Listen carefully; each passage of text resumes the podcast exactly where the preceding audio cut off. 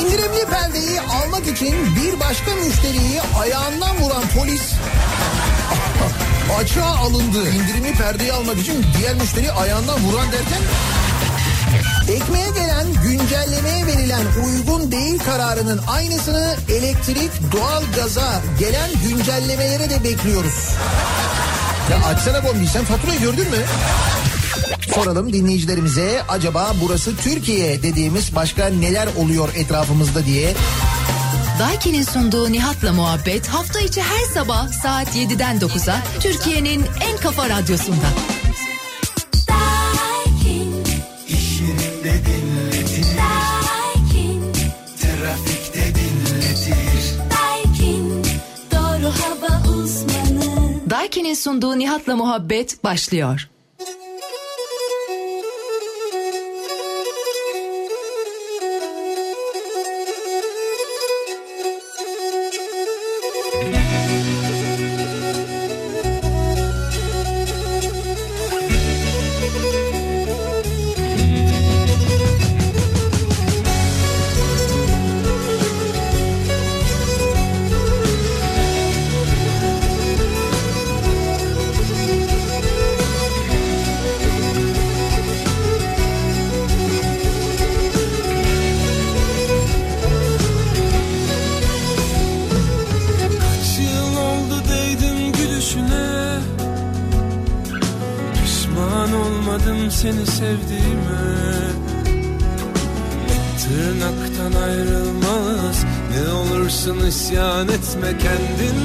Usandırma Kalbimden utandırma. İstedim oldu dünyalar benim. Ama artık eskisi kadar mutlu değilim. Mutsuz eve güneş doğmaz Beni bile bile incitme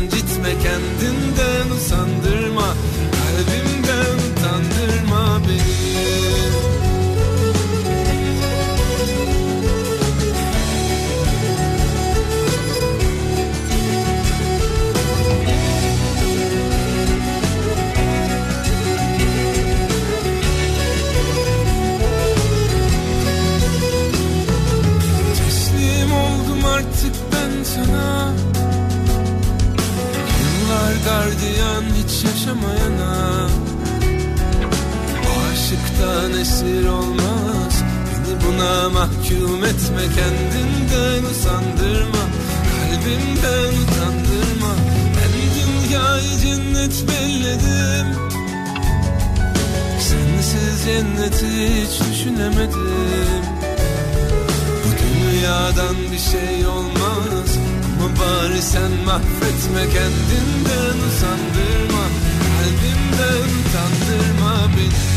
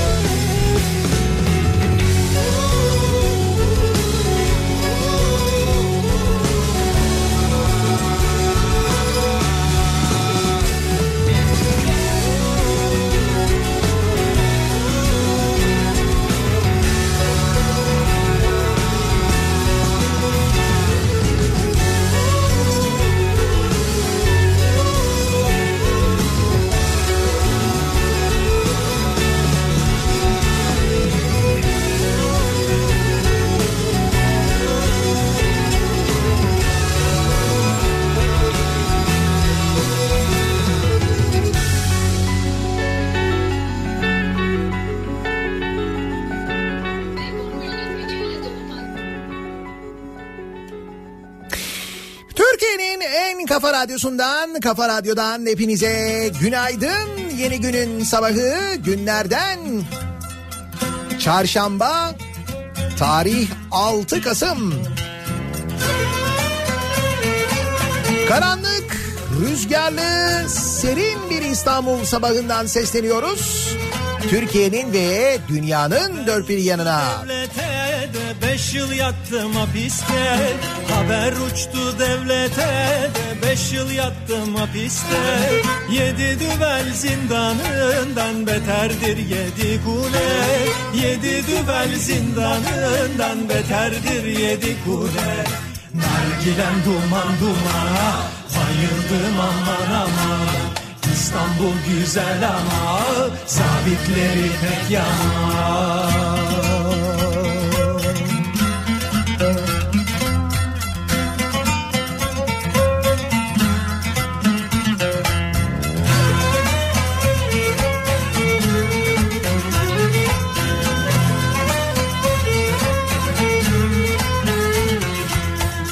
Beş yıl bana yaraştı da nargilem buna şaştı.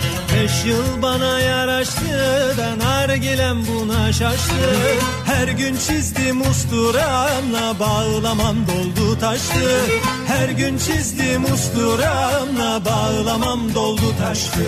Sarmacı garam yanar şekerim arar Tekkimiz güzel ama haber uçuranlar var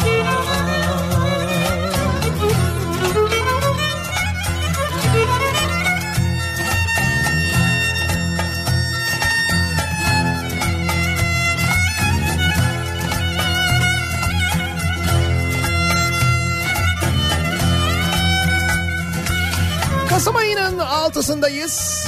Biz hala romantik romantik serin İstanbul sabahı derken biz buralarda kakır diyoruz mesajları geliyor.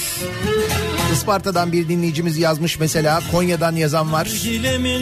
Kayseri keza öyle İç Anadolu'da. Tam sabah ayazı zamanları. Gümüştendir gümüşten. Beş değil on beş yıl olsa ben vazgeçmem bu işten. Beş değil on beş yıl olsa ben vazgeçmem bu işten. Nargilem duman dumana bayıldım aman aman İstanbul güzel ama sabitleri pek yaman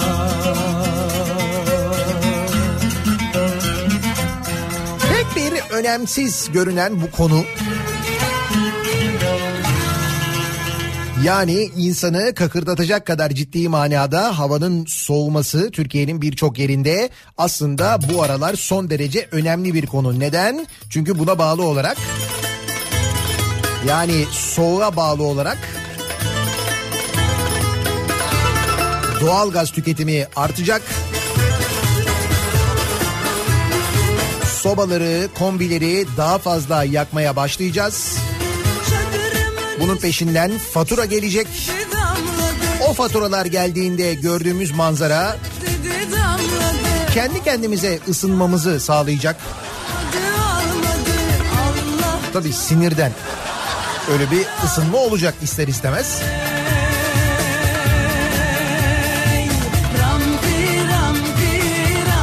Bunun enflasyona bir etkisi olacak mı? Bence kesin olacak. Nasıl olsa sinirlenince kendi kendilerine ısınıyorlar diye düşünen TÜİK belki oradan da biraz enflasyonu düşürecek. Olur ya. Enflasyon hesaplamasında yeni bir yönteme geçilir. Bir yöntem değişikliğine daha gidilir mesela.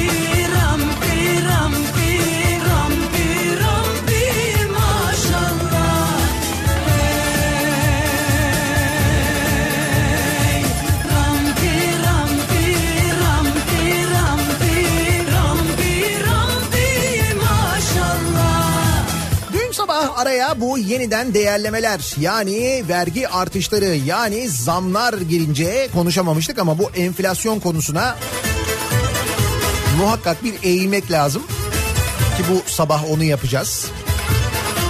Ama o tarafa gelmeden önce güzel haberler var. Giresun'un Espiye ilçesinde hurda toplayarak geçimini sağlayan Ali Akdoğan çöp konteynerinde bulduğu altınları polise teslim etti. Konteynerdaki altınları fark edince şaşırdığını anlatan Akdoğan baktım içerisinde altın var. Polise götürdüm ben helal kazanırım dedi. Giresun Espiye.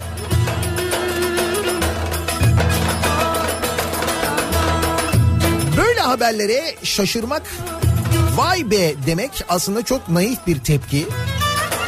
Çünkü şöyle bir durumda var. İnsanlar e, böyle davranan insanları takdir etmek yerine onları aksine aşağılıyorlar biliyor musunuz? Yani işte e, bulduğu bir cüzdanı ya da işte çöpte bulduğu altını ya da işte bir yerde bulduğu parayı götürüp sahibine teslim eden, sahibine teslim etmek için uğraşan insanları. Geçen gün bir haber vardı belki görmüşsünüzdür. Bir şoför defalarca başına geliyor, aracında unutuluyor. İşte cüzdan unutuluyor, yüksek miktarda para unutuluyor ve her seferinde bu parayı sahiplerine bir şekilde ulaştırıyor.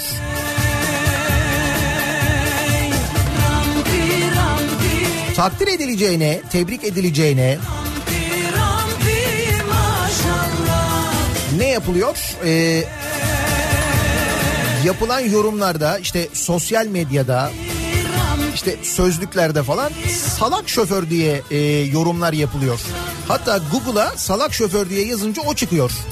Vay efendim bu kadar para bulunup her seferinde götürülüp verilir miymiş? Bu salaklık olarak görülüyor.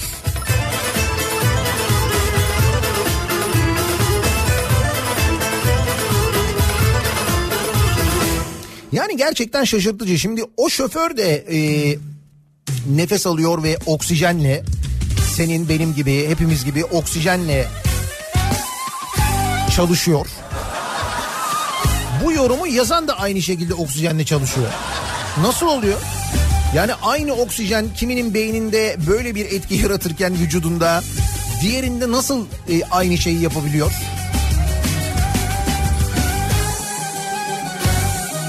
Ya da o yorumları yapanlar oksijenin haricinde yanında böyle bir katkı maddesi mi alıyorlar? Bir şey mi içiyorlar? Ne içiyorlar? Bak yine ne içiyor ne içiyorlar konusuna geldik. Ya da ne yiyorlar? Ispanak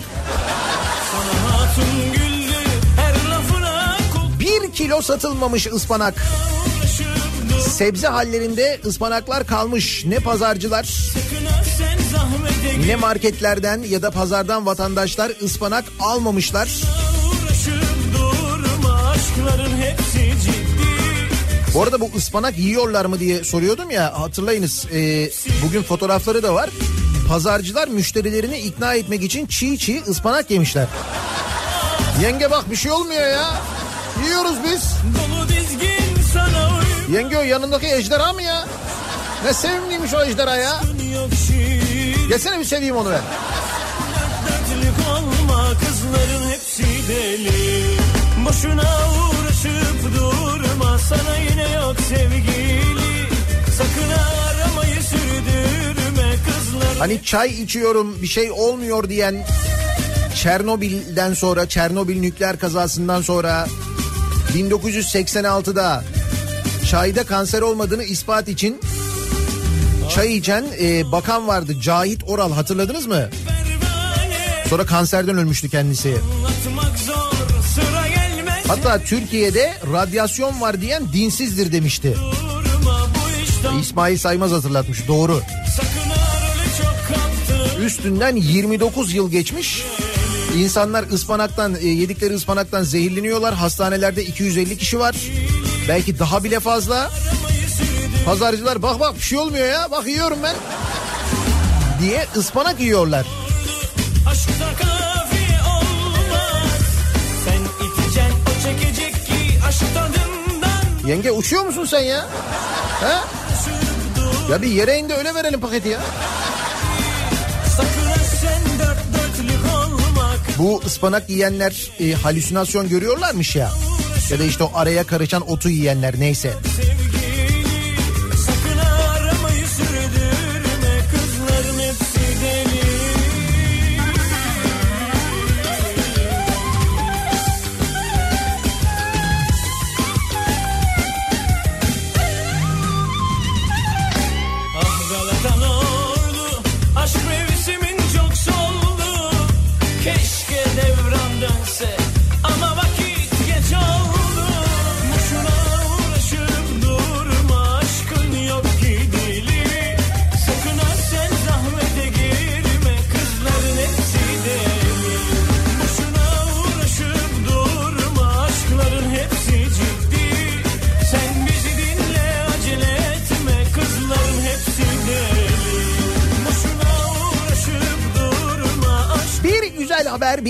Diğer bir iyi haber de Soma'dan. Tazminatlarını alamayan 3500 mağdur işçi Hani Ankara'ya yürümek istemişlerdi. Ankara'ya yürümelerine izin verilmemişti. Tabii öyle her hakkını arayana da o kadar destek yok yani. A Haber'de bir yere kadar. Hakkını arayan belediye işçilerine destekler, canlı yayınlar falan filan. Ama hakkını arayan maden işçilerine ne destek ne canlı yayın aksine engelleme yürüyememişlerdi Ankara'ya. İşte Somalı mağdur 3500 maden işçisinin yürüttüğü mücadele somut kazanımlar e, tazminatlarının ödeneceği sözü verilmiş. Böyle bir söz almışlar bakanlıktan almışlar bu sözü bakanlık yetkilileriyle görüşmüşler. Ve o bekledikleri yerde 40 ağaçta yürüyemedikleri bekletildikleri yerde zaferlerini kutlamışlar. Umuyoruz mağduriyetleri gerçekten giderilir verilen sözler tutulur. Bu da bu sabahın güzel haberi olsun.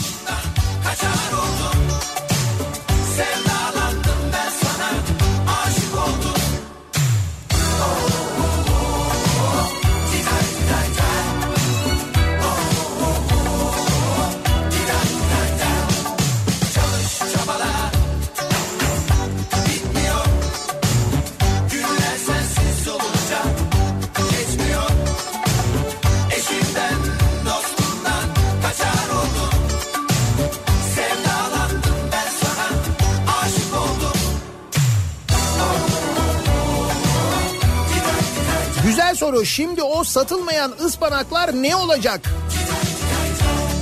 Bir dinleyicimiz diyor ki muhtemelen ıspanaklı börek olacak.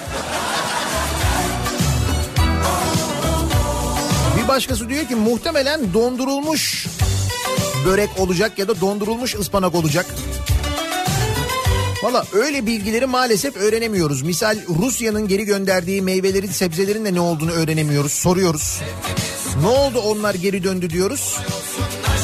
Kapı duvar cevap yok.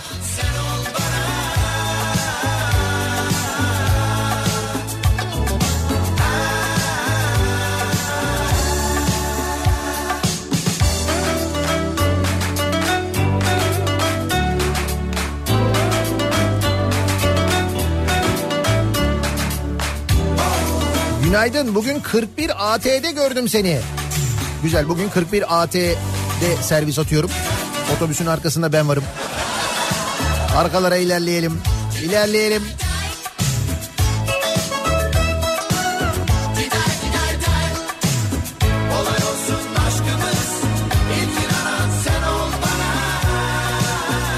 Bir Boğaz Köprüsü değil ama seni dinlemeye buraya geliyorum gecenin 11'inde. Orası neresi?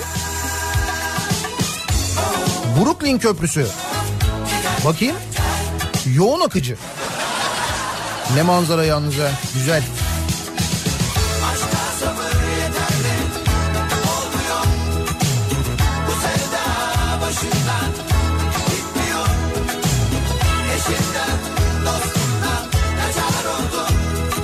Bizim köprülerde durum nasıl? Nasıl bir sabah trafiğiyle güne başlıyoruz? Hemen dönelim şöyle bir bakalım. Hyundai Tucson Enline yol durumunu sunar.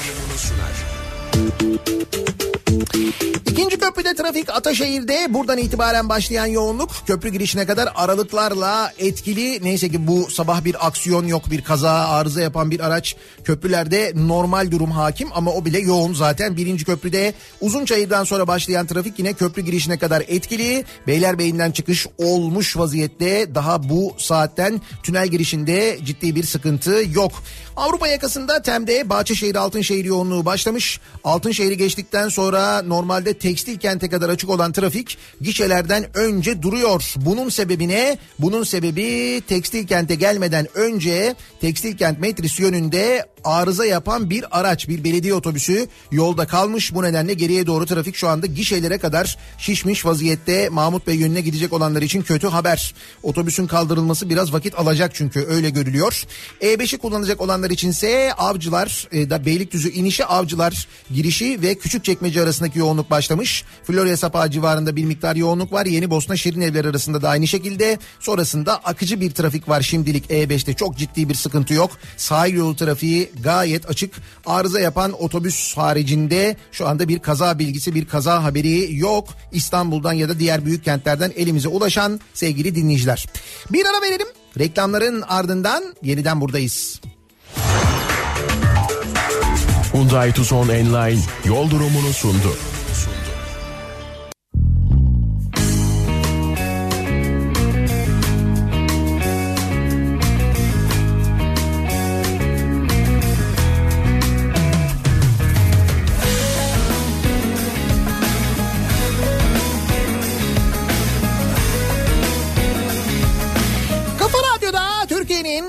Kafa radyosunda devam ediyor. Daiki'nin sunduğu Nihat'la muhabbet. Ben Nihat Sırdağ'la. Çarşamba gününün sabahındayız. Yedi buçuğa yaklaşıyor saat. Selam al Yeni yeni aydınlanıyor İstanbul'da gökyüzü. Selam al Ki bunlar iyi günler. Yakında bu saatlerde de daha ilerleyen saatlerde de 8'de 8.30'da çok acı karanlık olacak biliyorsun. O yüzden tadını çıkaralım. Şuradan ıspanağı uzatsana bana ya.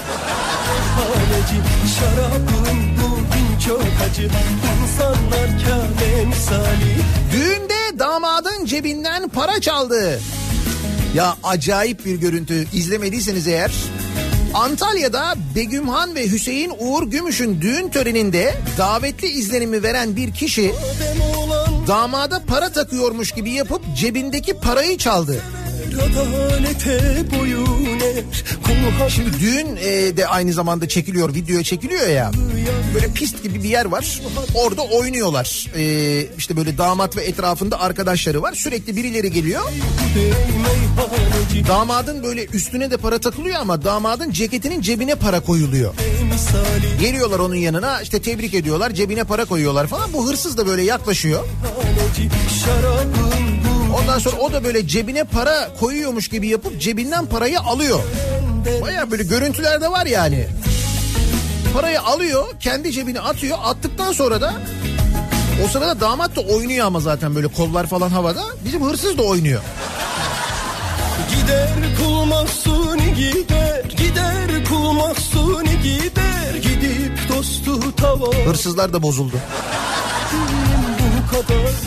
Hani böyle alayım oradan gideyim falan yok. Alayım e, parayı aldık. E biraz da düğünün tadını çıkaralım canım yani. Biraz da oynayayım ne var diyor. Şarabın bugün çok acı İnsanlar Kabe misali Gelen derviş giden hacı Oh oh oh oh meyhaneci Şarabın bugün çok acı İnsanlar Kabe misali Gören derviş seven hacı. Hudey hudey hür aşkına. Yol verin gitsin şaşkına. Adaletsiz padişahın Canavar girsin köşküne. Hudey hudey meyhaneci. Bu da bir küçük çaplı hırsız. Hacı. Bir de bunların büyükleri var. Yani bir büyük boyu hatta belki bu 3-4 büyük boyu ondan sonra daha büyük boyları var ki onlara caniko diyoruz zaten. Sınıf sınıf ayrılıyor. Fakat şu işte böyle tosuncuk gibi neydi geçen gün vardı ya bir tane bitcoin bitcoin Hüsniye miydi neydi o? Öyle biri vardı ya. Bitcoin Zehra mıydı galiba öyle bir şeydi. Bir de onlar var. 2500 kişilik devre mülkü 40 bin kişiye sattılar.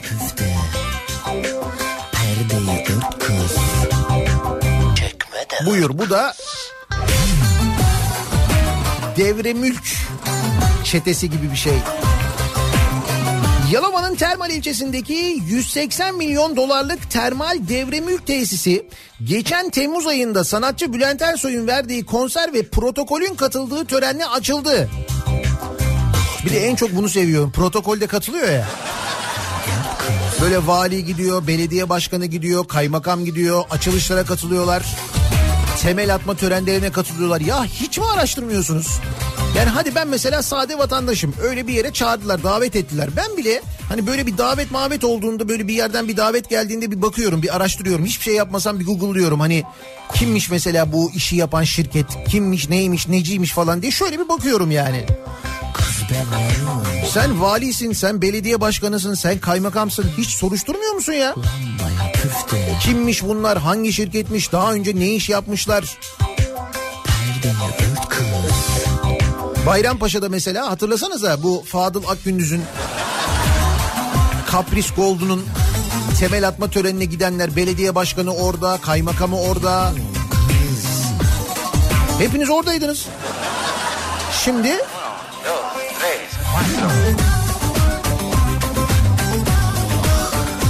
2500 kişiye satılması gereken hisseli tapu farklı kentlerden 40 bin kişiye satıldı. Ortaya çıkan binlerce mağdur savcılıklara koşup şikayetçi oldu. Senet verenler de satış iptaline rağmen aidat istenilen mağdurlar da gelen icralarla büyük şok yaşadı. Sosyal medya üzerinden bir araya gelen mağdurlar tanıtım amacıyla götürüldükleri tesiste imza attıkları memnuniyet anketinin aleyhlerinde kullanıldığını iddia etti. Termal dolandırıcılığının çoğunluğununsa Boğaz turu ve AVM'lerde açılan standlarla bedava tatil kazandığınız telefonlarıyla gerçekleştirdiği belirlendi. Alo iyi günler bedava tatil kazandınız. Öyle mi? Hemen gidelim o zaman biz. Kim bana bedava tatil verir? Niye verir? Ne oluyor?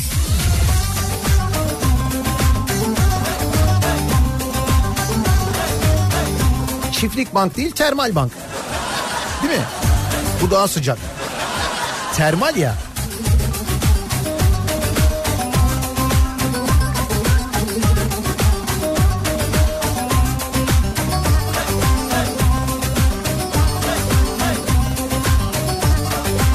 Palamut diye tombik satıyorlar. Ne satıyorlar? Tombik ne ya? Hava sıcaklığının mevsim normallerin üzerinde seyretmesi nedeniyle palamut balıkçıların ağlarına takılmadı. Bunu fırsat bilen bazı balıkçılar tombik balığını palamut etiketiyle satmaya başladı. Tombik diye balık mı varmış ya? Ya bilmiyorum benim cahilliğim ben ilk defa diyorum tombik. Tombik tombik tombik hop tombik hop tombik. O mu bu? İki balık arasındaki farkın renginden anlaşılabileceğini belirten balıkçılar tüketicileri dikkatli olmaları konusunda uyardı. Arkadaş biz de yani sonunda tüketiciyiz yani hangisine dikkat edelim? Ispanağa mı dikkat edelim, balığa mı dikkat edelim? Ispanakta arasındaki otu arıyoruz. Balık almaya gidiyoruz, rengine bakmaya çalışıyoruz. Bu tombik mi acaba? Geçen yıl palamudun bol olması sebebiyle 10-15 lira arasında satılan levrek ve çupra bu sezon 25-30 liradan alıcı buluyor. Palamut sıkıntısını bazı balıkçılarsa fırsata çevirdi ve çok benzeyen tombik balığını palamut etiketiyle satmaya başladı. Palamut çizgilidir, tombik beneklidir. Müşteriler bu ayrımı yaparak iki balık arasındaki farkı anlayabilir. Böyle şans böyle kader Böyle gelir böyle gider Palamut almak için balıkçılara giden müşteriler balığı takoz dilim olarak kestirsinler. Balık kesildikten sonra eti beyazsa o balığı gönül rahatlığıyla palamut olarak alabilirler. Ancak balık kesildiğinde eti siyahsa aldıkları balık torik ya da tombiktir. Benim hepsinden öte Ah Bence yemeyelim. Yani balık mı alıyoruz, fizik problemi mi çözüyoruz, ne yapıyoruz anlamadım ki ben. Hayır bunu ben niye ayrıca vatandaş olarak denetliyorum? Bunu denetlemesi gereken zaten devlet değil mi ya? Gıda denetimi diye bir şey yok mu? Bu balık hallerinde denetim yapılmıyor mu? Sebze hallerinde denetim yapılmıyor mu diyeceğim. Yapılmıyormuş zaten işte ıspanak hadisesinden gördük.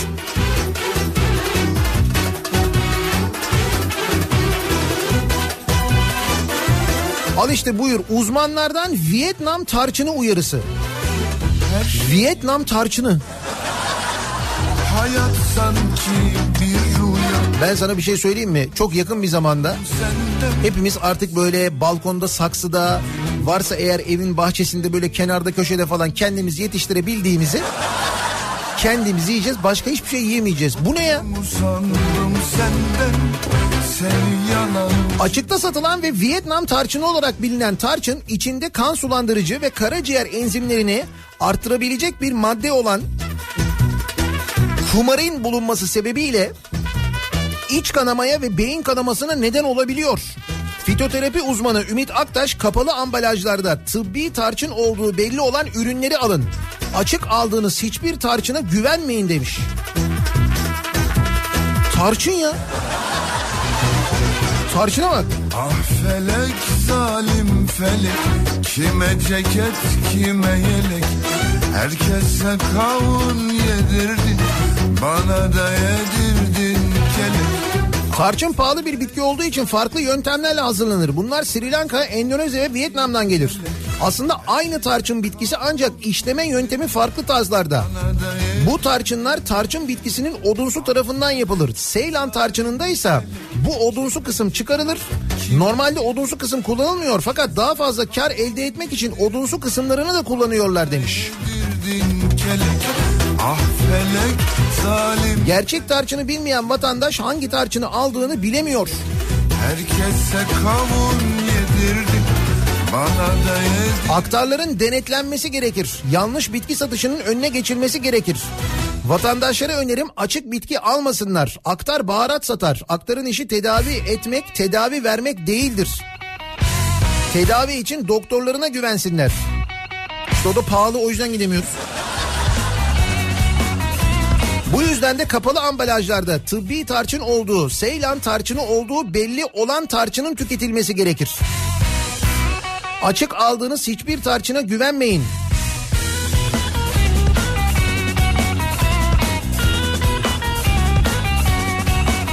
Abi onu söylüyorum ya bunu yani bunu da mı biz denetleyeceğiz? Tarçın, palamut, tombik balığı, Vietnam tarçını. Neydi işte e, arasına pıtrak karışmış ıspanak. Farkındasınız değil mi? Gıda ile ilgili son zamanlarda çıkan haberlerin ne kadar arttığına, gıda sahteciliği ile ilgili daha geçen hafta konuşmuyor muyduk? Yapılan denetimlerde ortaya çıkan sahteciliklerin zeytinyağından tutun da işte pidecisine kadar e, gıda maddelerinin içine neler neler karıştırmışlardı. Peki ne oluyor? Ne yapılıyor bunlarla ilgili? Demek ki bir şey yapılmıyor ki yani tespit edilse bile doğru düzgün bir şey yapılmıyor ki adamlar yapmaya devam ediyorlar bunu. İşte bu konuyla alakalı gıda terörüne yönelik bir araştırma önergesi verilmiş sevgili dinleyiciler. Meclis açıldı ya meclis çalışıyor ya. İnsan sağlığını tehdit eden hileli gıda üretimini meclis gündemine taşımış İyi Parti grubu. Gıda ürünlerinin üretimine yönelik araştırma önergesi dün oluyor bu. AKP'nin red, MHP'nin çekimser oylarıyla kabul edilmemiş. Şimdi mesela bunu niye kabul etmezsin? Yani bu kadar gündemdeyken gıda ile ilgili sahtecilik bu kadar gündemdeyken daha yeni şu ıspanak konusu konuşulurken bak daha neler neler konuşuyoruz her gün başka bir şey çıkıyor. Bunun araştırılmasını neden kabul etmezsin neden istemezsin yani buna niye hayır dersin? İyi Parti istiyor diye mi? Öyle İyi Parti istiyor diye yani. MHP de bu arada çekimser kalmış. Yani biz de ıspanaktan zehirlendik ama geçti bizimki. O kadar şey yok. Karnımız ağrıdı biraz.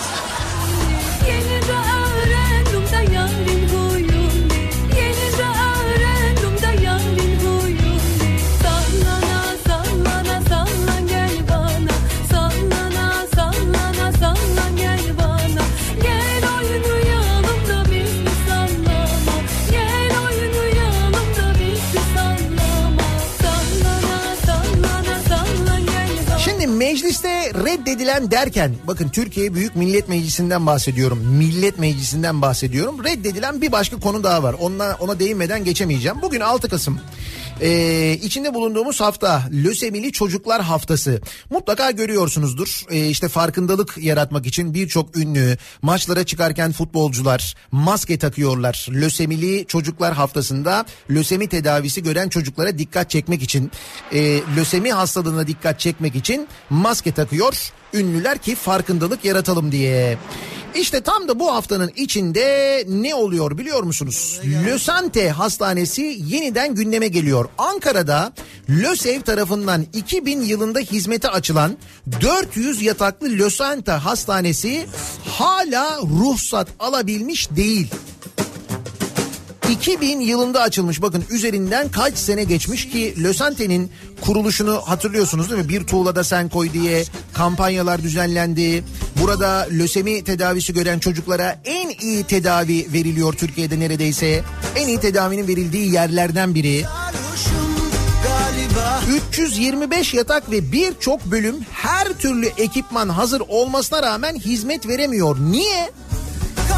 Çünkü bu hastaneye ruhsat verilmiyor. Şimdi diyor ki LÖSEV zamanında FETÖ'cüler ve bu Sağlık Bakanlığı FETÖ'nün elindeyken onlar verdirmediler bize bu LÖSEV'i kontrol edemedikleri için LÖSEV'i e, ele geçiremedikleri için kontrolleri dışında bir vakıf olduğunu düşündükleri için verdirmediler. E ne oldu?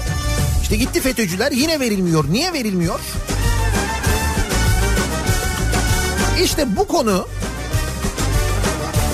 Lösemili Çocuklar Haftası dolayısıyla Türkiye Büyük Millet Meclisi Genel Kurulu'nda yeniden gündeme gelmiş. 4 milyon vatandaşın emeğiyle kurulan Lösante'ye tam ruhsat verilmemesi konusu. Sokaklarında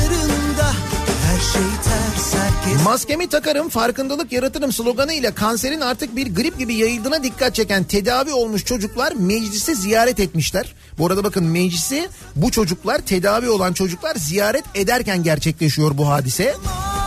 Lösemili çocuklar ziyaretlerini tamamlamadan genel kurula, meclis genel kuruluna Lösante'ye ruhsat verilmesi önergesi geliyor. Böyle bir önerge getiriliyor. Bakın lösemili çocuklar haftasının içindeyiz. Lösemili çocuklar Ankara'ya meclise geliyorlar. Meclisi ziyaret ediyorlar. Ankara'da böyle bir hastane var. Bu hastaneye ruhsat verilmiyor. Ruhsat verilsin çocuklar orada tedavi olsunlar diye o sırada mecliste önerge veriliyor. Ve bu önerge sevgili dinleyiciler AKP'li ve MHP'li milletvekillerinin oylarıyla reddediliyor. Dün Türkiye Büyük Millet Meclisi bir daha söylüyorum. Lösemili Çocuklar Haftası'nın içindeyiz. Lösemili çocukları tedavi edecek hastane var. Bu hastaneye ruhsat verilecek. O ruhsat bir türlü verilmiyor. Verilsin diye dün önerge veriliyor. Türkiye Büyük Millet Meclisi'nde AKP'li ve MHP'li milletvekillerin oylarıyla bu önerge reddediliyor.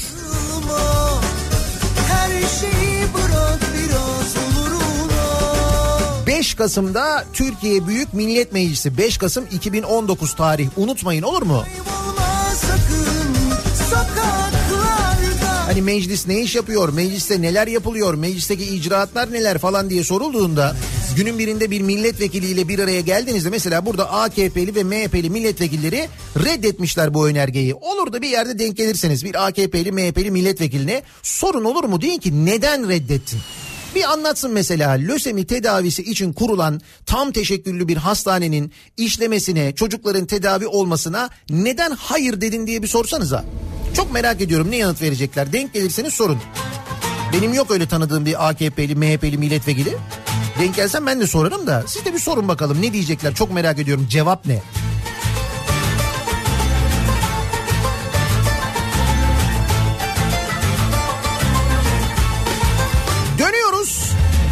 Canikos'una. İstanbul'un akciğerlerine sahip çık. Şile'ye sahip çık. Ne oluyor Şile'ye? Yine mi Sünger Bob ya? Yok bu sefer daha fena. İstanbul'a yaklaşık 100-150 kilometre yakınlıkta bulunan ormanlarıyla şehirdekilere nefes alabilecekleri bir yer sunan Şile'de yapılması planlanan taş ocağı. Yaz dostum Şile'nin Tekeköy mevkiine yapılması yapılmak istenen taş ocağı için orman alanı seçilmiş. Bölge halkı bu taş ocağına karşı olduğunu dile getirmişti. Çevre ve Şehircilik Bakanlığı yapılacak taş ocağı öncesinde yasa gereği bölge halkı için yapılacak bilgilendirme toplantısı ile ilgili bir yazı yayınladı. Bu taş ocağıyla 30 bin ağaç kesilecekmiş Şile'de sevgili dinleyiciler. 30 bin ağaç. Sarı çizmeli Mehmet Ağa hesabı Şimdi yarın bir bilgilendirme toplantısı yapılacakmış. Üstelik e, çevre etkileşme değişim raporu gerekli değildir e, denilmiş.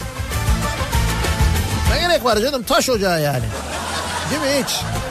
30 bin ağaç. Dostum Yoksul görsem bes Şile gitti gider ben size söyleyeyim. Böyle giderse yani. Yaz dostum Garipleri giydir ipek şal dostum Filtresi olmayan 15 termik santralin kapatılması için bakanlığa başvuru yapıldı. Konuşmuştuk geçen hatırladınız mı? Filtresi olmadan üretim yapan, çevresine zehir saçan, bulunduğu bölgede kanser vakalarının inanılmaz artmasına yol açan o termik santrallerin e, bu senenin sonuna kadar baca takması gerekiyordu. Yani gerekli önlemleri alması gerekiyordu. E, vergi yasası görüşülürken içine pıt bir tane madde attılar Türkiye Büyük Millet Meclisi'nde. İki buçuk yıl daha ertelendi. Ne kadar fena bir şey değil mi?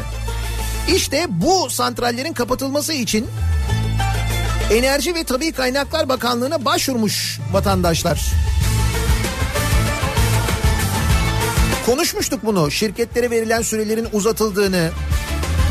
Ben size daha fena bir şey söyleyeyim mi? Bu uzatılmanın haricinde bakın ne olmuş.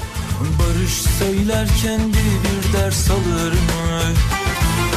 Yaz dostum Zonguldak, Çanakkale ve Afşin Elbistan halkı baca filtresi olmadan çalışan 15 kömürlü termik santralin kapatılması için bakanlığa başvurdu. Santrallere ödenen toplam 1 milyar 224 milyon liralık teşvik tepki çekti.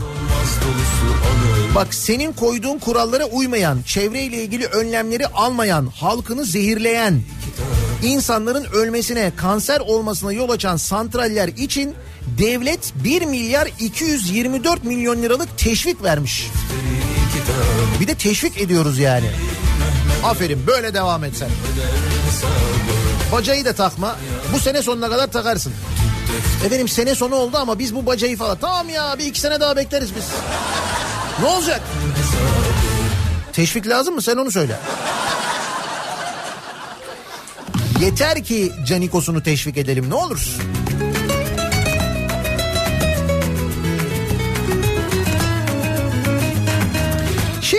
Gelelim enflasyon meselesine, enflasyon tartışmasına. Enflasyon tartışmasına geçmeden önce e, yoksulluk sınırının Ekim ayında 7092 liraya yükseldiğini önce bir bilelim. Diske bağlı Birleşik Metal İş Sendikası Araştırmalar Merkezi Ekim ayı için açlık ve yoksulluk sınırını açıklamış. Buna göre geçen ay 4 kişilik bir aile için açlık sınırı 2050 liraya yükselmiş. Eylül ayında bu rakam 2013 liraymış. Yine 4 kişilik bir aile için yoksulluk sınırı 7092 lira olmuş. Yok yok bana seviyorum Hal böyleyken enflasyonun şöyle düştüğü, enflasyonda düşüşte rekor kırıldığı açıklamaları okuyoruz ya. Şimdi herkes birbirinin suratına bakıyor. Ya nasıl oluyor yani bu kadar e, fiyatlar artarken, pahalılık bu kadar artmışken nasıl oluyor da enflasyon böyle düşük oluyor? Nasıl yani?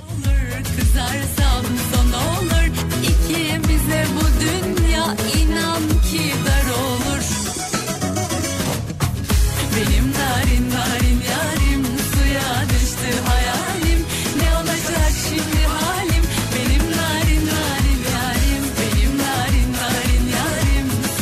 Enflasyon 2019 yılı Ekim ayında bir önceki aya göre yüzde iki, bir önceki yılın aynı ayına göre yüzde 8.55 artmış bunlar TÜİK verileri. Baz etkisiyle tek hanede kalan enflasyonun Kasım ve Aralık ayında tekrar çift haneye çıkması bekleniyor.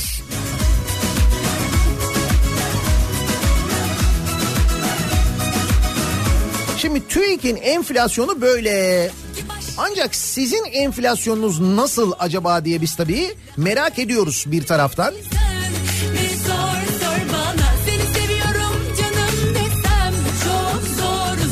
Bakın bir değerlendirme var. Diyor ki Ekim ayı enflasyon oranının yüzde sekiz buçuk olarak açıklanmasının ardından 418 maldan oluşan sepete bir baktık. Sepetteki gündelikçi ücretinden dizel otomobile, özel okul ücretinden mücevhere kadar pek çok ürün yüksek ağırlıklarla hesaplanıyor. Bu da yoksulun enflasyonunu yansıtmıyor. Benim narin narin yarim Yani o sepetin içinde böyle şeyler varmış. Pırlanta, özel okul ücreti, gündelikçi ücreti gibi böyle e, kalemler de var aynı zamanda. Kaldı ki o alışverişin nereden yapıldığı ile ilgili hala bir muamma var. Biz o marketin neresi olduğunu bir türlü çözemedik. Yani bir de orada market ürünleri var yani gıda ürünleri var. Onlar da tabii o sepetin içinde var. O sepetler e, nereden doluyor, nasıl alınıyor onları bilemiyoruz. Onları öğrenemiyoruz. Mesela o sepetin içinde ıspanak var mı? Belki de TÜİK'in sepetinin içinde ıspanak var. Belki de ıspanak aldılar. Geçen ayın enflasyonunu hesaplamadan önce o ıspanağı hazır almışken yiyelim dediler. Olamaz mı? Enflasyon o yüzden böyle çıktı. Belki de ıspanaktan. Senden ayrılamaz ki Benim narin narin yarim suya düştü hayal Şimdi burada esas önemli olan sizin enflasyonunuz bence. Benim TÜİK enflasyonu, sokağın enflasyonu falan derken kafalar epey karışmış vaziyette. narin Dolayısıyla biz bu sabah dinleyicilerimizle e, sizin enflasyonunuzu, kendi enflasyonunuzu konuşalım istiyoruz. benim narin narin yarim Bakalım sizin enflasyon ne durumda? Geçen seneyle bu sene arasındaki fark ne? Geçen sene ne veriyordunuz? Bu sene ne veriyorsunuz?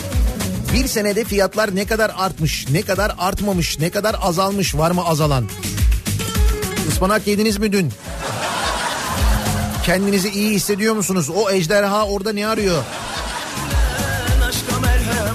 Benim enflasyonum bu sabahın konusunun başlığı. Sosyal medya üzerinden yazıp gönderebilirsiniz mesajlarınızı. Benim enflasyonum başlığıyla yazıp gönderebilirsiniz.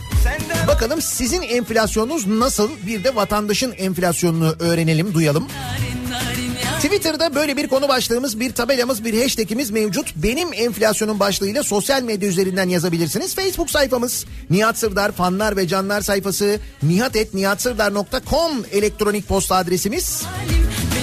Bir de WhatsApp hattımız var 0532 172 52 32 0532 172 kafa. Buradan da yazabilirsiniz. Benim enflasyonum konumuz reklamlardan sonra yeniden buradayız.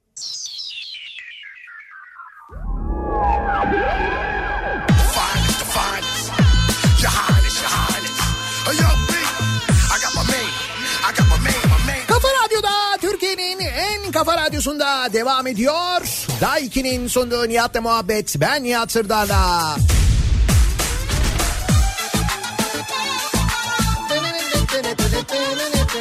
Aman be şimdi ıspanak olsa içine de kırsak altı yumurta.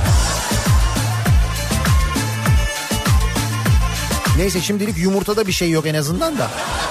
Hani evet tamam ıspanağı kaybettik ama benim enflasyonum bu sabahın konusu. Sizin enflasyonunuz nedir acaba diye soruyoruz. TÜİK'e göre enflasyon yüzde sekiz. Doğalgaz faturaları gelmeye başlıyor. Doğalgaz faturalarında bakıyoruz ki hiç öyle değil aslında durum.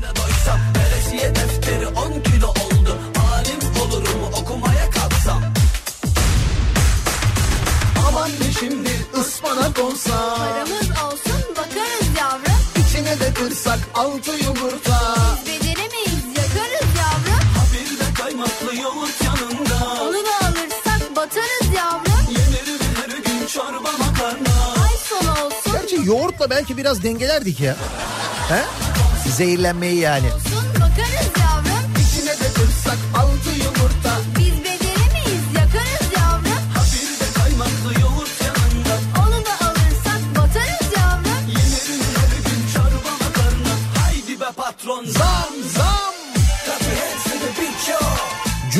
itibariyle işsiz kalıyorum. Benim enflasyonum sıfır artık demiş bir dinleyicimiz.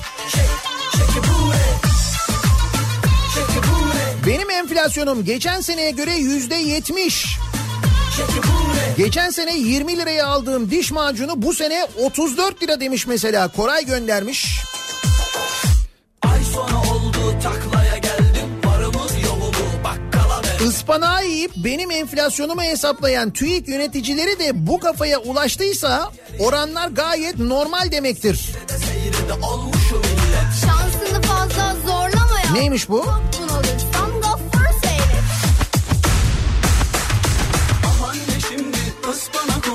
Paramız olsun bakarız yavrum. Yalnız bu ıspanak herkesin kafasını karıştırmış bak. Yakarız Mehmet Barlas şöyle bir yazı yazmış Sabah gazetesinde. Çocukluğumun en çekici resimli romanlarından birinin kahramanı Temel Reis'ti. İngilizcesi SpongeBob olarak bilinen bu çizgi roman kahramanı. Bak kafa gitmiş görüyor musun?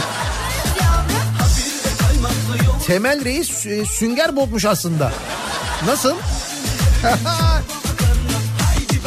Mehmet Barlas da ıspanak yemiş. Ayıklamadan.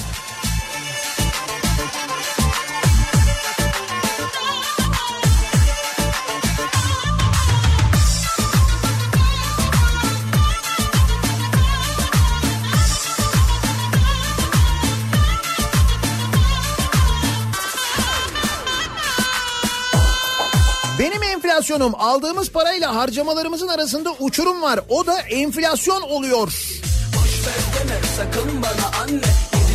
Bir paket sigara, bir litre ayrana 24 lira verdikten sonra bazı şeyleri hesaplamayı bıraktım ben artık bakmıyorum diyen var mesela. Ama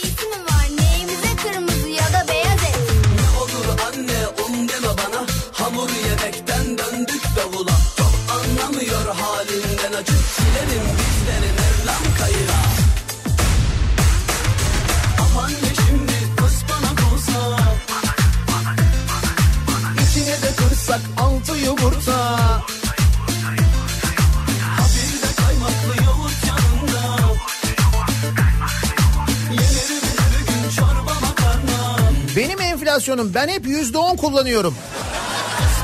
Hep 50 liralık gibi yani diyorsunuz öyle mi?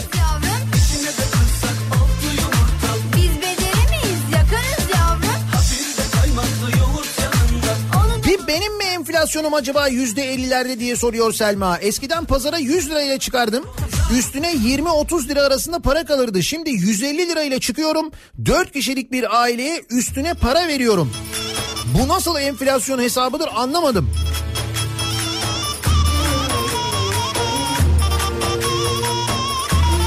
Bir çiftçi olarak geçen yıl aldığım zirai ilaçla bu yıl aldığım ilaç arasında yüzde 35 fark var.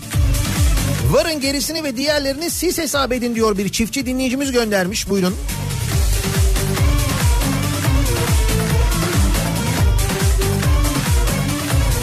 Ispanağı yabani otlardan ayıklayıp bolca yıkayınca benim enflasyonum pırıl pırıl oluyor.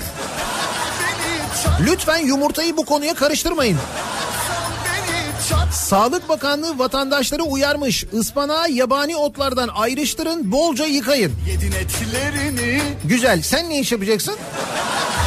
Sağlık Bakanı demiyorum. Devleti kastediyorum yani. Siz ne yapacaksınız bu arada? Teşvik vereceksiniz herhalde. Değil mi? Misal Sağlık Bakanı'nın hastanesine, özel hastanesine teşvik vereceğiz mesela. İyilikseyinim de şeker gibiyim Fenalığa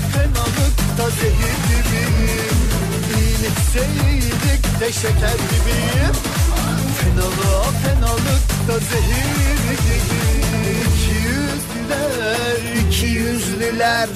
arkamdan konuşmayın Benim enflasyonum. Yeni sistem geliştirdik. Zam geldikçe enflasyonu düşürebiliyoruz. Evet o sistemi geliştirmemiz yalnız epey bir zaman aldı. Fakat sistemi bulduk gerçekten de uygulayabiliyoruz artık.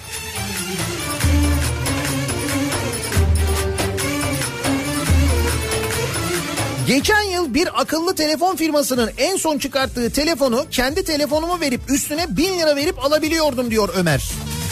Şu an ise 4000 lira vermem gerekiyor. Benim enflasyonum yüzde 400. Tıpkı dolar 5 küsür deyip vergilerle falan aslında 10 lira olması gibi. Ha bak herkesin böyle peşinde olduğu telefon, telefon fiyatlarından bir pay biçin bakalım. Nasılmış enflasyon? Çatla geber geber Seni be fena yaratık Fesatlığın yeter Yedin etlerini Hasretliğin yeter Çekemiyorsan beni Bundan tam tamına 2 sene önce rejime başladım diyor Zafer. Yulaf ezmesi 3.25 liradan yani 3 lira 25 kuruştan 8 lira 70 kuruşa çıktı 2 senede. Proteinli süt 4,5 liradan 7.75'e çıktı. Tek bir avokadonun fiyatı 4,5 liradan 8 liraya çıktı. Gibiyim Fenalığa fenalıkta zehir gibiyim İki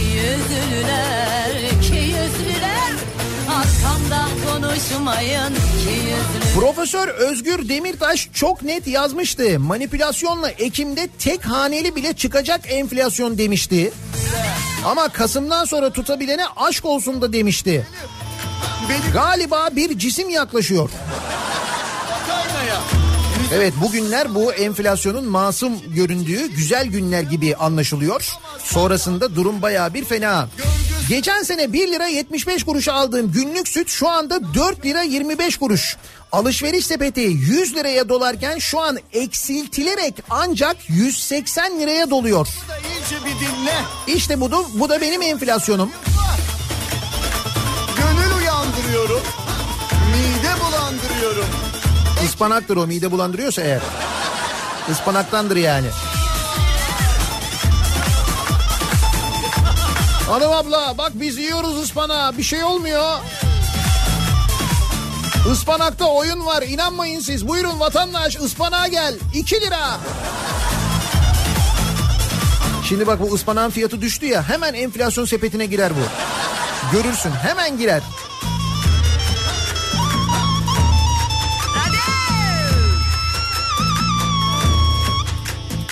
Benim enflasyonum negatif çünkü yakın arkadaşım TÜİK'te çalışıyor. Yani o alışverişin TÜİK tarafından hangi marketten yapıldığını siz öğrenebiliyorsunuz. Ha, bu güzel.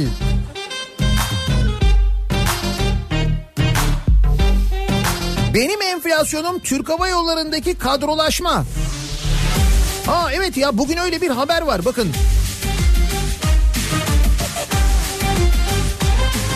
Türk Hava Yolları'nda Kartal İmam Hatip'ten 78 üst düzey çalışan varmış. Yönetim kurulu üyesinden genel müdür yardımcısına, alım müdüründen personel müdürüne hatta pilotlara kadar 78 kişi Kartal İmam Hatip mezunuymuş. Türk Hava Yolları'nda. Kartal İmam Hatip'e bak bu nasıl bir havacılık aşkıymış ya. Demek ki vakti zamanında bu Kartal İmam Hatip'te aslında pilot olmak isteyen ama pilot olamayıp öğretmen olan biri görev yapıyormuş. Çocukları böyle yetiştirmiş. Oğlum ileride havacı olacaksınız. Bak ileride havacı olacaksınız diye. Ne büyük tesadüf değil mi?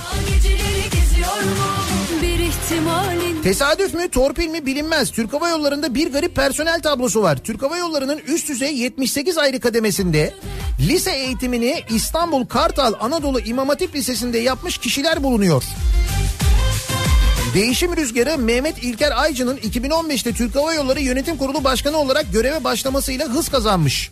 Çoğu yönetici olmak üzere çok sayıda kadroya Kartal İmam Hatip'ten mezun personel gelmiş. Kartal İmam Hatip'in havacılık bölümünden.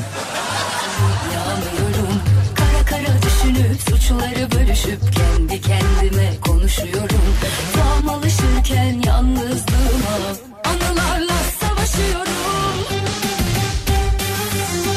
Özledim onu çok iyi mi kötü mü benim kadar? Ben her gün akşam eve giderken asma kilit ve pimpon topu götürdüğüm için bir de A Haber izlediğimden benim enflasyonum yüzde beş civarlarında demiş bir dinleyicimiz. Tamam siz istenen koşulları yerine getiriyorsunuz. Sizin enflasyonunuz düşük gayet güzel. Peynir son bir yılda yüzde kırk zamlandı mesela. Mevsiminde alırsak ucuzlar mı acaba? Peynir.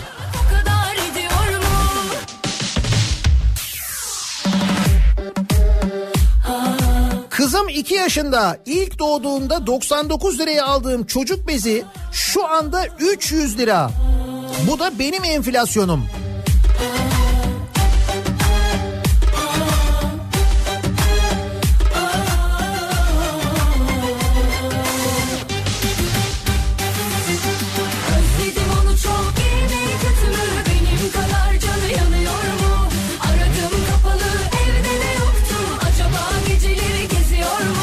Nihat Bey işsizlik parası uçmuş.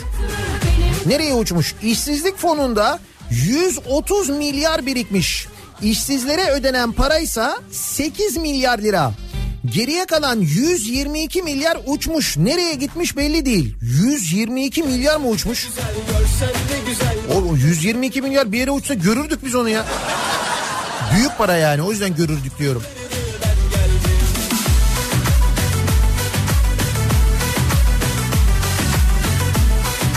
Geçen yıl kışlık patatesin ortalama 40 kilo gelen çuvalı 30 liraydı. Bu yıl aynı çuvalı pazarlık ede ede 50 liraya zor aldık.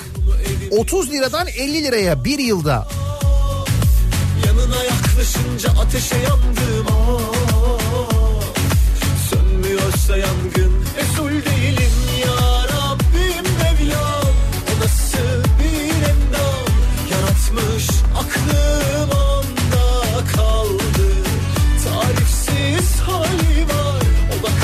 2015'te enflasyon yıllık 8.56 iken 70'lik rakı 68 liraydı. 2019 yılı yıllık enflasyon 8.51, 70'lik rakı 143 lira. Gelsen ne güzel görsen ne güzel seni her şeyden çok sevdim Ah bir görsen sen de sevsen bundan başka yok derdim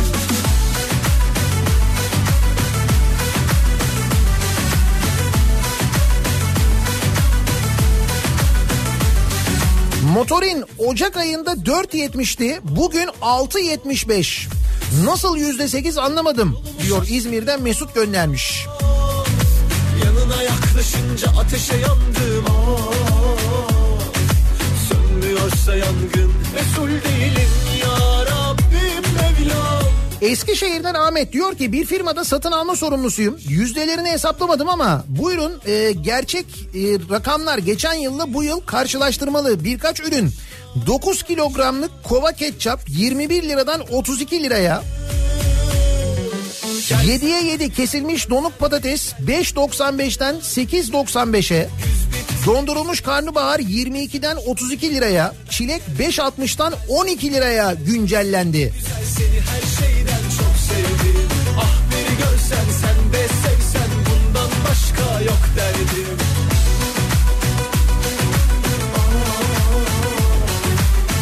İki aydır işsizim. Yetim aylığı 570 lira. Aylık 570. O yüzden benim enflasyonumu hesaplayamadım diyor dinleyicimiz. Gelsen ne güzel görsen ne güzel bak yollarına gül serdim Güz bitti bize yaz geldi desen aç kol Benim enflasyonumu hesaplayamadım bile. 5 ay önce arabamı sattım.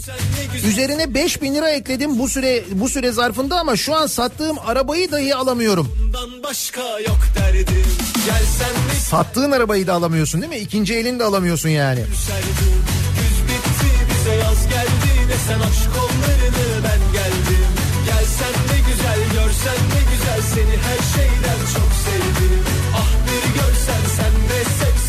yıllık doktorum açlık sınırında yaşadığımı öğrendim az önce. Maaş bordromu atarsam görürsünüz. Ben iyi durumda olduğuma inanıyordum. Enflasyon durumundan dolayı asgari ücretle geçinenlerin Allah yardımcısı olsun diyor.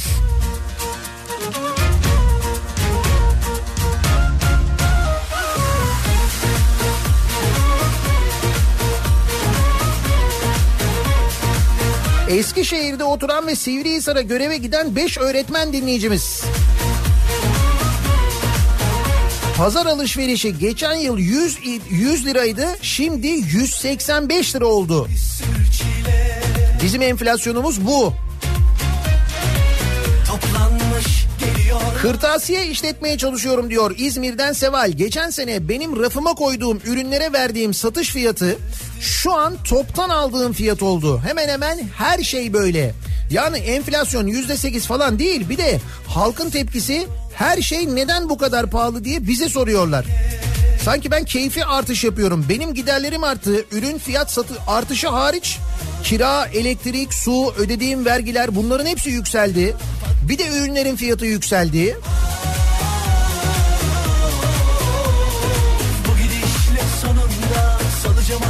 saying love.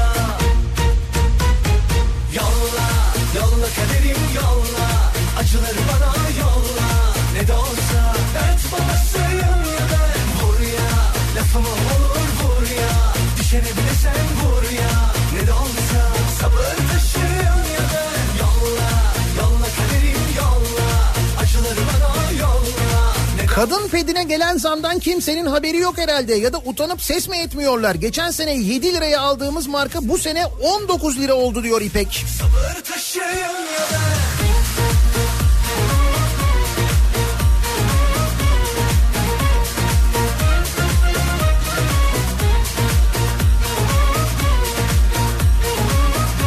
Nihat Bey neticede Kartal İmam Hatip diyorsunuz. Kartal bir kuştur ve uçar. Ha, o yüzden Kartal İmam Hatip Türk Hava tamam. Bak ben o bağlantıyı kurmadım biliyor musun? Ben daha böyle komplike düşündüm. Dedim ki herhalde dedim böyle pilot olmak isteyen ama olamayan bir öğretmen var. Herhalde o yıllarda o okudu çocukların kafasına havacılığı soktu falan diye düşündüm bak. Hiç Kartal aklıma gelmemişti ya doğru diyorsun.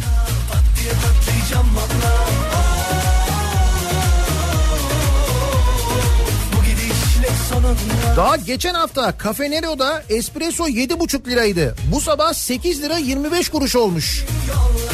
Yeşim göndermiş. Ankara'da doğalgazı kartla yüklüyorum. 4 senede yüklediğim metreküp değişmedi ama fiyatı %100'ün üstünde arttı.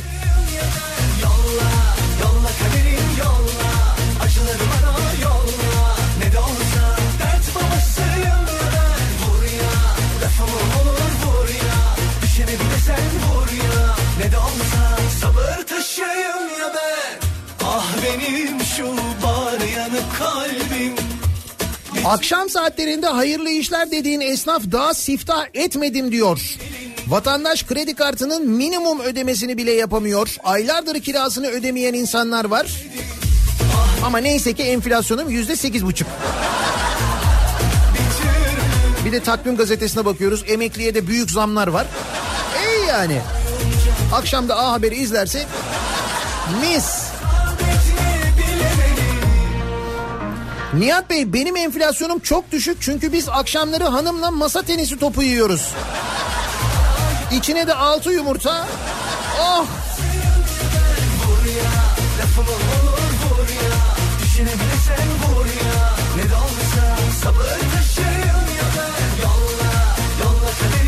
bak işi çözenler var. Haftada bir tane pırlanta alıp elimde soba borusu ve pimpon topuyla gezdiğim için benim enflasyonum yüzde iki diyor.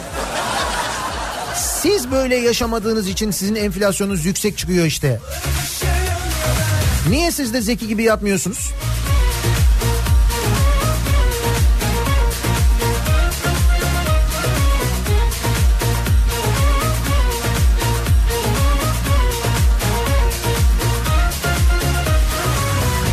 Sekiz kardeşiz diyor Kenan. Her akşam sırayla ablamlara, abimlere yemeğe gidiyoruz.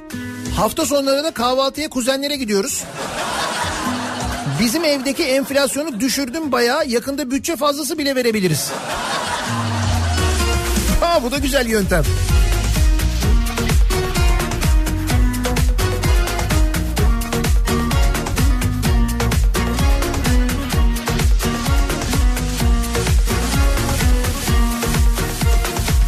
Eser bir yer saçlarına vurur Tarifi imkansızım savrulur Bir o yana bir bu yana gün ağrırken baygın Enflasyon bence birilerinin açıkladığı rakam değil. Markete gidince çocuğunun istediği şeyi alamamak, istediğin kıyafeti hep ertelemek, vergiler yüzünden iyi arabaya binememek, iyi bir evde yaşayamamak. Kısaca hayatından hep ödün vermek. Güzel bir enflasyon tanımı aslında Burhan'ınki değil mi? basıp gitse de bu aşktansı da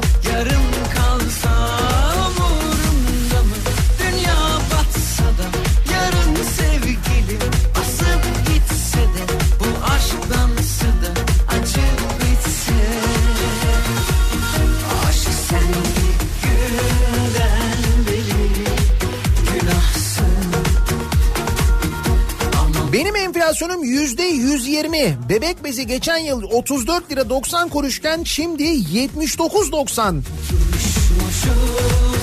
üstelik yaz gelmiş Bugün gazetelerde Sabit ücretli yurttaşın geliri giderek eriyor. Asgari ücretli 2005 yılında maaşıyla 17 gram altın alırken bu sene 7 gram altın alabiliyor. Diğer ücretlerdeki vergi e, değer kaybı ise daha da vahim. Öğretmen maaşındaki değer kaybı asgari ücretten fazla. Güneş yetmemiş bir de ay çarpmış.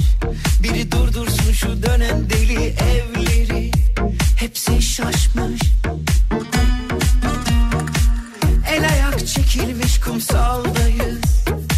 Yeminle çok edepsiz bu mehtap Isır diyor şu güvercin ayakları Ne mehtap Benim enflasyonum haciz yollu.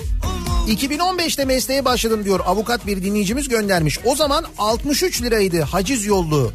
2019'da 104 lira, 2020'de 128 lira.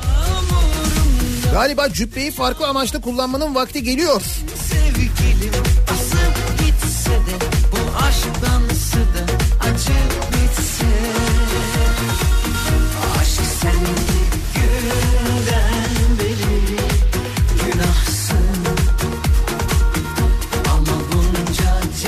Öğretmenim benim enflasyonum fotokopi kağıdına endeksli. Geçen yıl okul başlarken bir top kağıt 10-15 liraydı.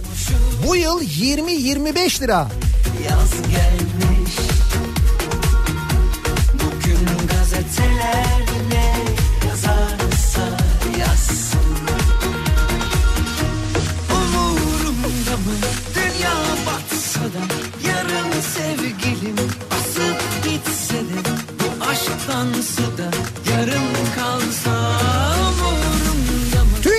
enflasyonu, çarşı enflasyonu, pazar enflasyonu derken sizin enflasyonunuz nasıl acaba diye konuşuyoruz.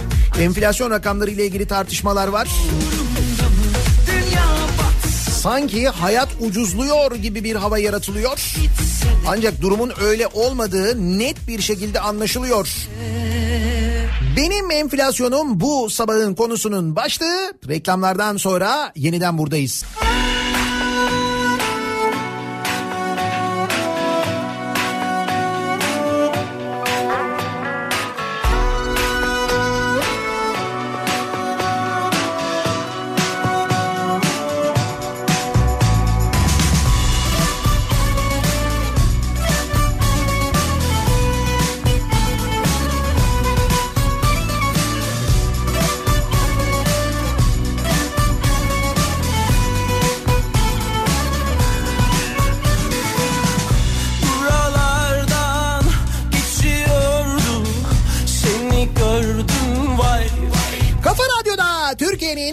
kafa radyosunda devam ediyor. Daiki'nin sunduğu Nihat'la muhabbet. Ben Nihat Sırdar'la.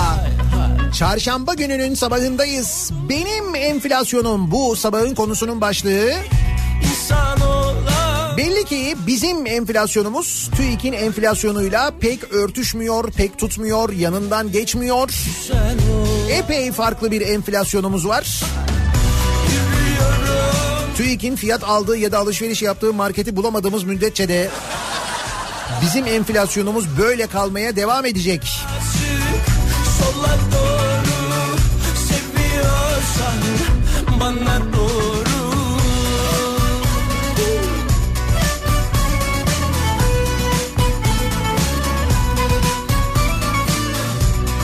Enflasyon sepetinden çıkarılan anaokulu ücreti benim enflasyonumu belirliyor. Geçen sene 600 lira olan ücret pazarlıkla bu yıl 900 lira oldu.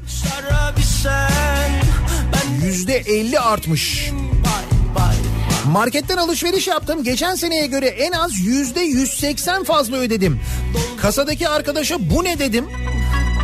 Cevap abi onun hesabını kasaya geldiğinde değil sandığa gittiğinde soracaksın dedi.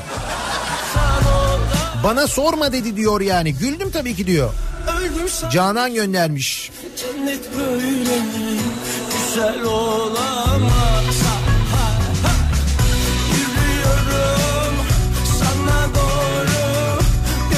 Nihat Bey hangi enflasyondan bahsediyorsunuz? İstanbul Ankara arası 450 kilometre. Geçen sene de 450 kilometreydi. 10 sene önce de 450 kilometreydi. Değil mi? Ne enflasyonu? Bak böyle de bakılabilir güzel. Batuhan az önce ıspanak yemiş.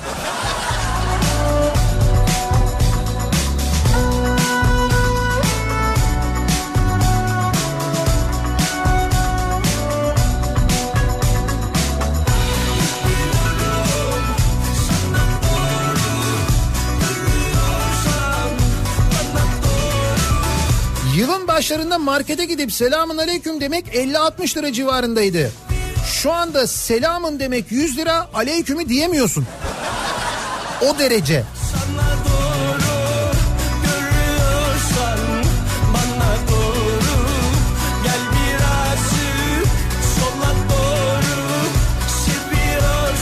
Bir de şöyle bir şey var. Kanada'dayım diyor Ali göndermiş. İki sene önce 1000 Kanada doları yollardım. 2000 lira yapıyordu. Şimdi 4300 lira yapıyor. Benim enflasyonum yüzde yüzden fazla artmış. Bir de tabii bu dövizin artışı var değil mi? Dolayısıyla bizim paramızın değer kaybetmesi manasına geliyor bu aynı zamanda. Yani bizim paramızın değersizleşmesi var. Bir sene öncesine göre, iki sene öncesine göre.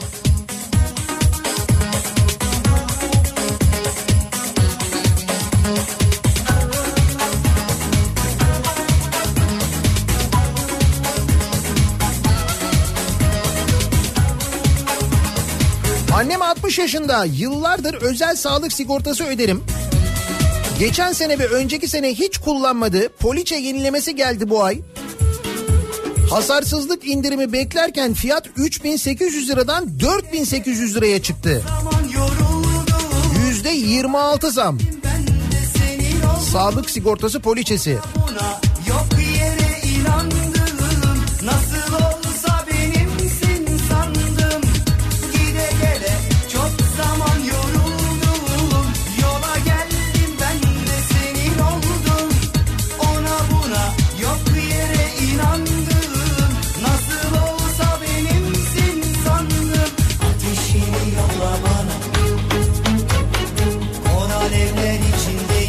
Evet istemsiz bir şekilde alkışlamak için ellerini kaldıranlar. Benim sana geldiğim gibi bana gelmesen Cumartesi günü Bursa'dayız. Bursa e, Bursa'ya geliyoruz. Cumartesi gecesi Bursa Jolly Joker'de 90'lar kafası yapıyoruz. 90'ların müzikleriyle eğleniyoruz. Bekleriz. Cumartesi gecesi. Bu arada seviyorsanız eğer 90'ları Radyolent uygulamasını indirirseniz ya da radyolent.com'a girerseniz göreceksiniz. Orada bir 90'lar kanalımız var. Sadece 90'ların müzikleri çalıyor. Yerli ve yabancı 90'lar çalıyor. 24 saat istediğiniz zaman dinleyebilirsiniz. Üstelik enflasyonla falan da bir alakası yok. Geçen sene aldığımız bebek maması 79 lira ve 900 gramdı. Bu sene 800 gram ve 139 lira. Yüzde 115 yani benim enflasyonum diyor Asip göndermiş. Bir de böyle gramaj e, azalması var. Yani gramajı azaltıp fiyatı sabit tutmaya çalışıyorlar. Fakat bir süre sonra onu da sabit tutamıyorlar. Dolayısıyla hem gramaj, gramaj azalmış hem de fiyat artmış oluyor. O zaman hesaplamak daha da güç oluyor. Bir yerden sonra hesaplayamayınca da şey diyorsun aman yüzde sekiz işte.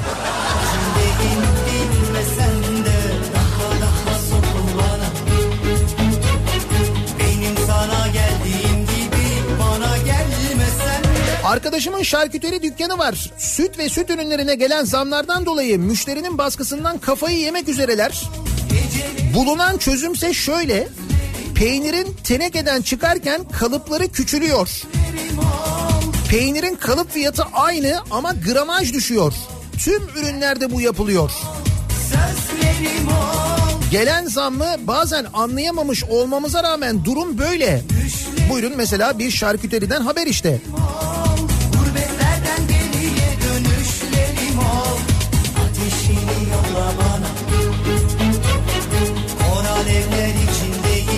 Benim enflasyonum 17'ye 10 Nihat Bey. 17'ye 10 ne? Geçen doktora gittim strese bağlı tansiyon hastası çıktım. Sağ olsun hükümetimizden nur topu gibi 17'ye 10 enflasyonum oldu. Geçmiş olsun.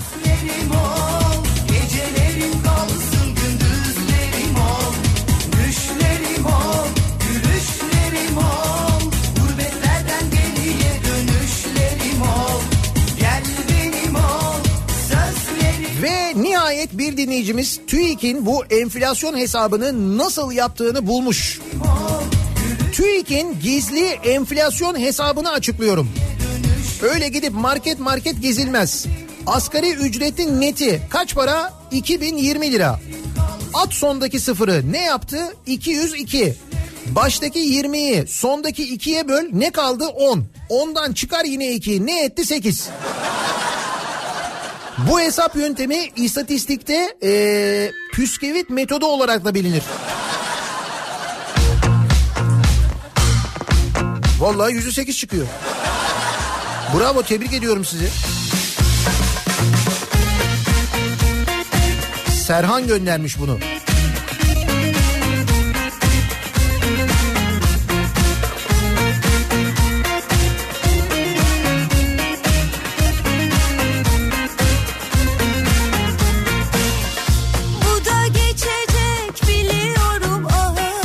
Nihat Bey son bir yılda elektriğe yüzde altmış, doğalgaza yüzde elli iki, akaryakıta yüzde otuz zam geldi. Ama enflasyon yüzde sekiz. Ne kadar uyumlu. Evet ne kadar uyumlu birbirine gerçekten. Ben beni bende bir bulsam Ne eksik ne fazla öyle tamam Kendi 20 kiloluk peynir tenekesi aynı kalitede 2016'da 120 liraydı. Şu anda 600-700 arasında diyor Kirkor. her şeyimi alsan da 3 yılda 120 liradan 700 liraya çıkıyor. Peynirin tenekesi. Neşemizi çalsan da Biz buradayız bil ki düşmüyoruz yakandan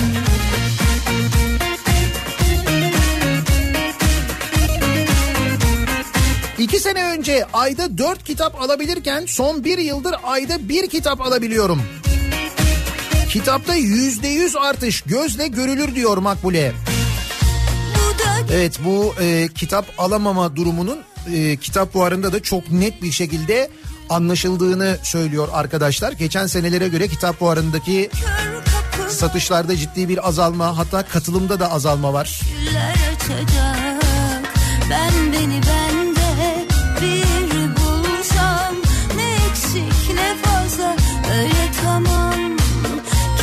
Nihat Bey bir kırtasiye satıcısı olarak tespitim şu. Bence pimpon topu enflasyon paketinden çıkmış. Çünkü 25 kuruşluk pimpon topu 1 lira oldu.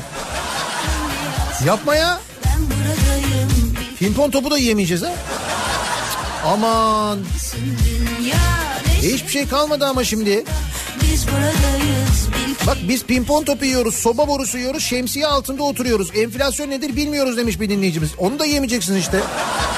Pimpon topu da 25 kuruştan 1 liraya çıkmış.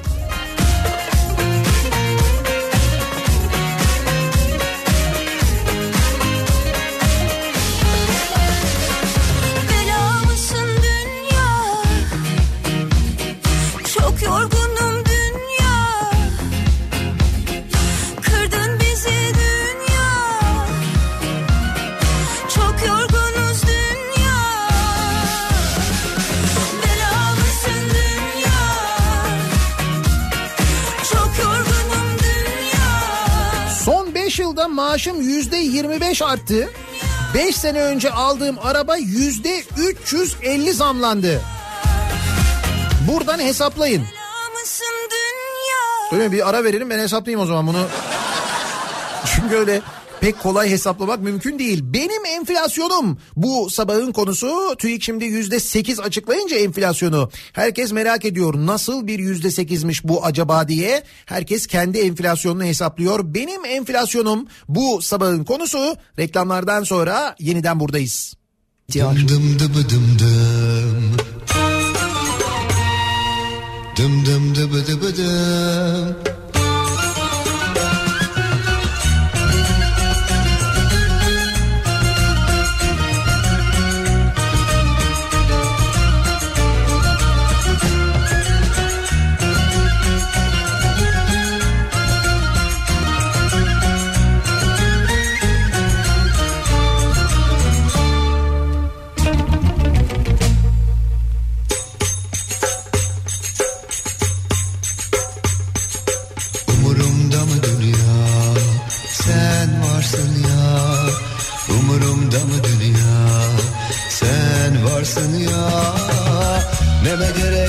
Altın saray Vermesinler mirastan pay. İstemem başka hiçbir şey sen varsın ya. Varsa sırtımda bir hırka Boğazımda üç beş lokma. Bu yeter de artar bana Umurumda mı dünya? Sen varsın ya. Dım dım dıbı dıbı dım Dım dım Kafa Radyo'da Türkiye'nin en kafa radyosunda devam ediyor. Day sunduğu Nihat'la muhabbet çarşamba gününün sabahında. Benim enflasyonum bu sabahın konusu. Kendi enflasyonumuzu öğrenmeye çalışıyoruz. TÜİK'in verdiği rakamlar ne kadar güzel rakamlar. İnsanı ne kadar mutlu eden rakamlar. Sen varsın ya Umurum O mutlulukla, o heyecanla alışveriş yapmaya gittiğimizde hiç de o rakamları anlatan fiyatlar karşımıza çıkmayınca üzülüyoruz biraz da bir haliyle. küme düşmüş Umurumda mı dünya Yaşamak çok pahalıymış Ankara'dan Savaş dün 150 liralık doğalgaz alayım dedim. 74.4 metreküp doğalgaz etti. Konut için doğalgazın metreküp fiyatı 1.59 artı KDV ile 1.89 liraya denk geliyor. Yılbaşından bu yana %32 zam gelmiş. Lap lap Ama neyse ki enflasyon %8.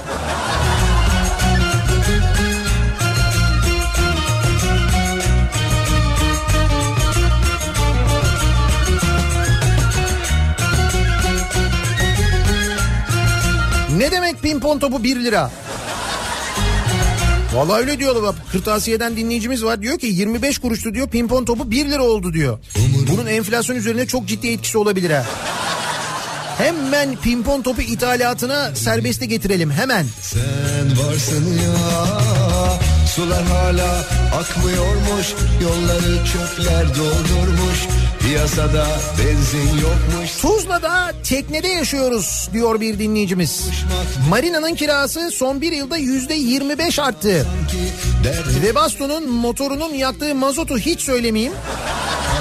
Ha, bir de mazot durumu var değil mi?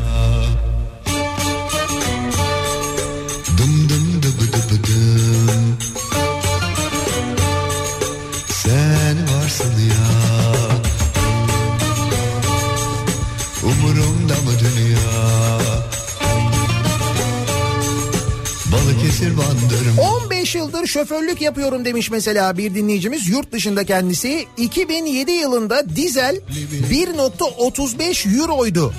2007 yılında. 2 gün önce depoyu 1.16 eurodan doldurdum. Almanya'dan göndermiş Yavuz. Yani 2007 yılına göre e, mazot orada ucuzlamış. 1.16 euro olmuş. Hatta bir ara 2014'te dizel 0.89'a kadar düşmüştü diyor. Sen varsın ya 2014'teki kurla hesaplayınca bir de şimdiki kurla hesaplayalım. Sizde pahalı mazot ya. Bizde daha ucuz. Bir de öyle diyorlar bak diyor ki "Aa, Almanya'da daha pahalıymış ne oldu hani Almanya varsın ya Bu boğuşmak neye yarar ki Kime kalmış dünya sanki Dert edinmem hiçbir şeyi Sen varsın ya Umurumda mı dünya Dım dım dıbı dıbı dım Sen varsın ya Yayınımızın sonuna geliyoruz. Mikrofonu Kripto Odası'na Güçlü Mete'ye devrediyoruz. Türkiye'nin ve dünyanın gündemini aktaracak size. Son gelişmeleri, son enflasyon rakamlarını aynı zamanda. Bu akşam 18 haberlerinden sonra eve dönüş yolunda ben yeniden bu mikrofondayım. Tekrar görüşünceye dek hoşçakalın.